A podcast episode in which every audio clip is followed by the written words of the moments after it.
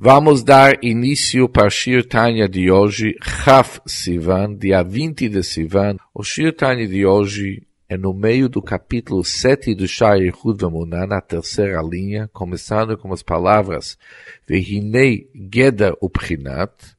E o Shir Tanya de hoje termina na página 163, cinco linhas de baixo para cima com as palavras Uledalet Sitrin. Para explicar como Shema Israel é uma unicidade de nível superior. E Baruch Shem Kvod Malchutol Olam Vaed. É uma unicidade de nível inferior, o Balatanya iniciou uma grande explicação qual que era o motivo do Tzimtzum.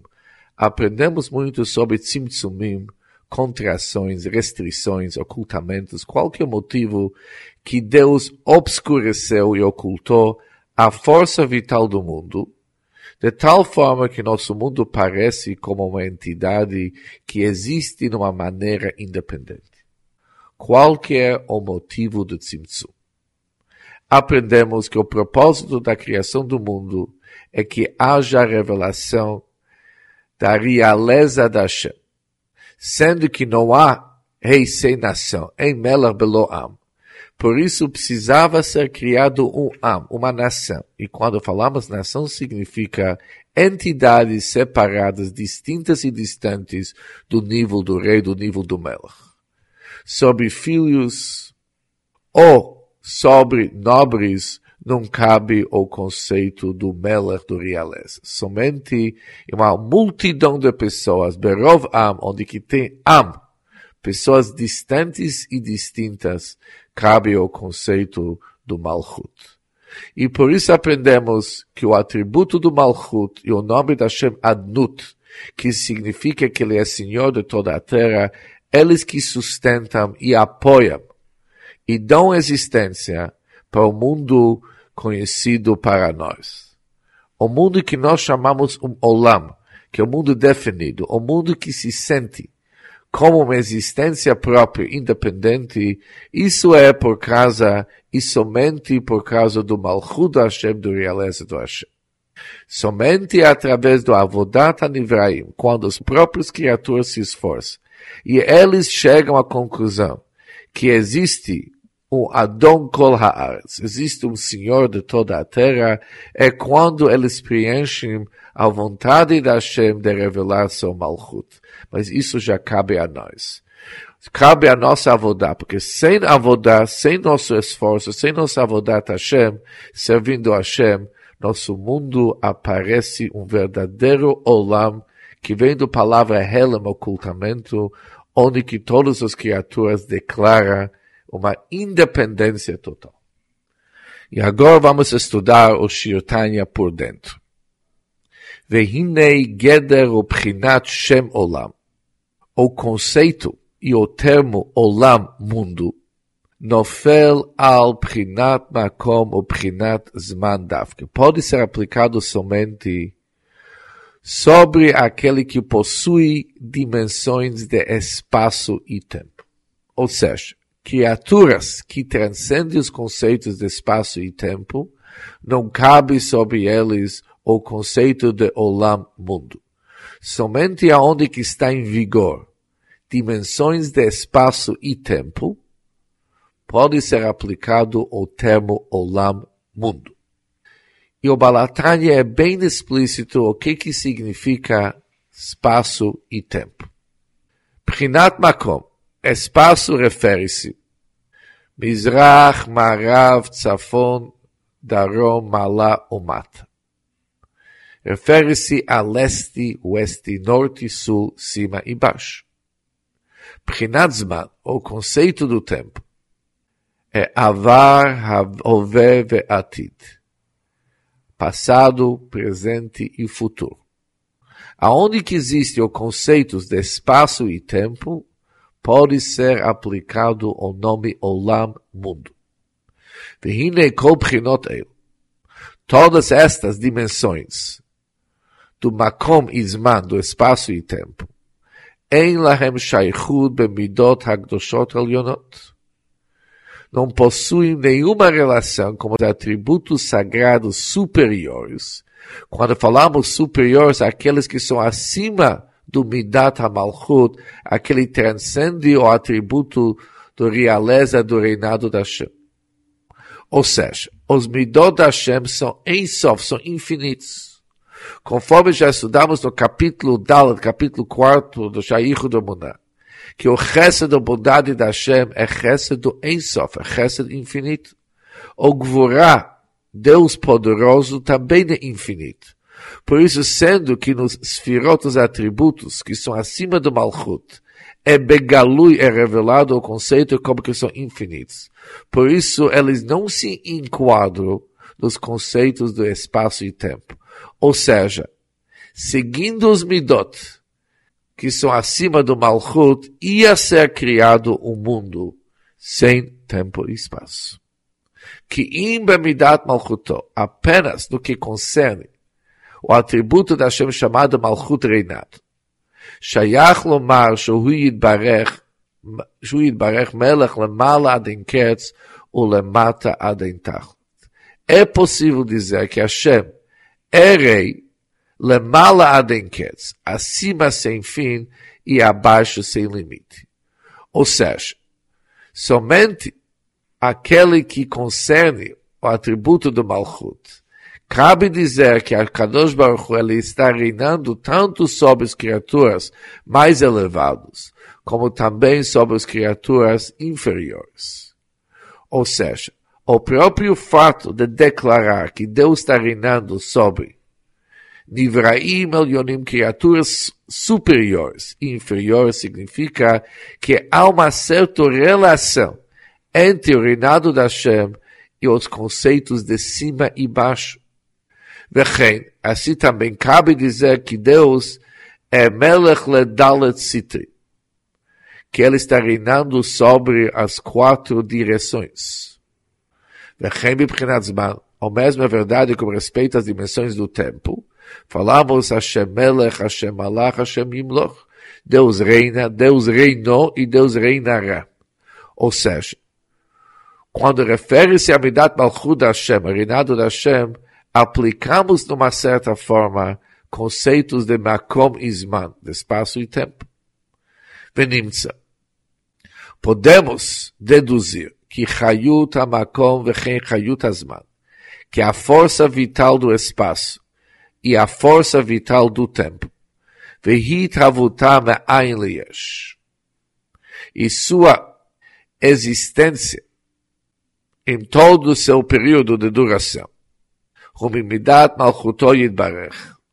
Advém do atributo do Malchut do reinado da Hashem e se estende do Adnut, o nome da Hashem, como Adon Kolaharetz, como dono do mundo.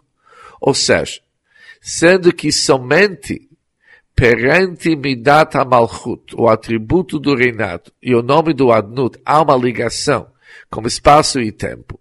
Por isso, da onde que vem a origem do Makom Isman, do espaço e tempo em nosso mundo, isso vem apenas do Malchut Hashem, do atributo Malchut e apenas do nome Adnut. Ou seja, se tivesse pelos Midot Hashem, pelos atributos da Hashem que transcendem o Midat HaMalchut, que transcende o atributo do Malchut, jamais que poderia se encontrar nas criaturas conceito de espaço e tempo. Mas sendo que o mundo foi criado através do Malchut e Adnut, e Malchut e Adnut, eles se ligam como mundo definido como espaço e tempo. Por isso, cabe os conceitos do Makom e Isman, do espaço e tempo, também no Midat HaMalchut, no atributo do reinado e o nome do Adnut. Mas, לפי שמידת מלכותו יתברך מיוחדת במהותו ועצמותו יתברך pelo fato de que o atributo do Malchut ela está unido com sua essência e ser, numa união absoluta com a essência da Hashem. E por isso, Prinat Makom Vazman, também nos conceitos do Makom Zman, do espaço e tempo, que eles são derivados do Midat HaMalchut, eles também são Betelim Bimtziut Mamash. Eles são completamente nulificados em relação a sua essência e ser, como a luz do sol quando está anulado no próprio globo solar, que bitul ora shemesh beshemesh. Ou seja, aqui o Balatanya está nos explicando que enquanto o Makor dos Olamot, a fonte dos mundos, que mundo significa espaço e tempo, quando a fonte de nossos mundos, ela não se encontra apenas no Malchut, no reinado da Hashem relacionado com nosso mundo, mas quando o Malchut está ligado como os Firot que são acima do Malchut. Porque nós sabemos que o Malchut, sendo que ela faz parte do Firot da Hashem, ela existe de uma maneira mais elevada, como que ela está unido e unificado com a essência da Hashem. Antes, quando ele desce após os tzimtzumim de contrações para se vestir em nossos mundos. Ou seja, existe um nível do Malchut acima do Malchut que nós conhecemos Malchut como que ele desce nos nossos mundos. Existe o Malchut como que ele está ligado com os Midot, como os atributos da Hashem, que transcende Malchut. Naquela situação, o Makom, Isman, tempo e espaço são anulados. Isso é o conceito do Yehuda Ilah. Isso é o conceito do Yehuda Ilah, unicidade superior. Quando Malchut sobe, ele se encontra ligado como os Sfirot Shalamala Malchut, como os atributos que transcendem o Malchut. Isso anula totalmente o conceito dos Makom, de espaço e tempo em nosso mundo de tal forma que os Nivraim, todas as criaturas, são totalmente unidos com Deus de uma maneira que eles perdem os conceitos Mano Makom de espaço e tempo. Porque naquela situação, quando Midat Malchut, quando atributo do reinado e o nome do Adnut, que são responsáveis pelo nosso Metziut, eles são ligados como os Midot, como os atributos que transcendem o Malchut, isso desmonta o conceito dos mano makom de espaço e tempo em nosso mundo e significa nosso bitul nossa anulação total diante Hashem. Vezeu shiluv shem adnut beshem avai. Este é o significado da intercalação das letras do nome Adnut nas letras do nome Avai, que há várias formas de intercalar Adnut com Avai quando o nome da Adnut é inserido dentro do Havai, de tal forma que o Havai dá o início. Significa que Shem Havai Moresh Olamala Masman. E sendo que o nome da Havai significa Deus como que ele transcende o tempo. Que Havai significa Hayah Hove Yiyeh Berega Echad. Que ele era, ele é e ele será no mesmo instante. E enquanto o adnut é intercalado no Havaia, onde que chama Havaia é o mais forte, sendo que adnut, o nome Aleph Dalet Nun Yud foi inserido, foi intercalado no Havaia, dando prioridade para chamar Havaia. Significa o bitul dos Manu Makom, o bitul do conceito de espaço e tempo, de tal forma que o Mitziut Anivraim, a existência das criaturas, de uma maneira independente, não existe é dependência total. Que chama vai, sendo que chama vai, significa que transcende o tempo e espaço. Também o nome Havai significa a transcendência do nível do espaço, conforme está explicado no Raya Mehem, no porção Pinchas. וכן assim ele também transcende tempo, que o מהווה תמיד את כל בחינת המקום sendo que ele traz continuamente à existência todas as suas dimensões, desde as mais altas até as mais baixas e nas quatro direções. Ou seja, o Shem Havaya transcende Zmanu Makom. E o Shem Adnos e Malchut tem uma ligação com Zmanu Makom. Mas quando o nome Malchut é intercalado dentro do Shem Havaya, significa anulação dos Man e Makom, anulação do espaço e tempo que isso é o conceito de uma unicidade superior, uma unicidade, uma visão como o Malchut é intercalado nas firot que são acima do Malchut. No próximo Shurtanya, vamos aprender sobre a unicidade inferior, Yehuda Tatar.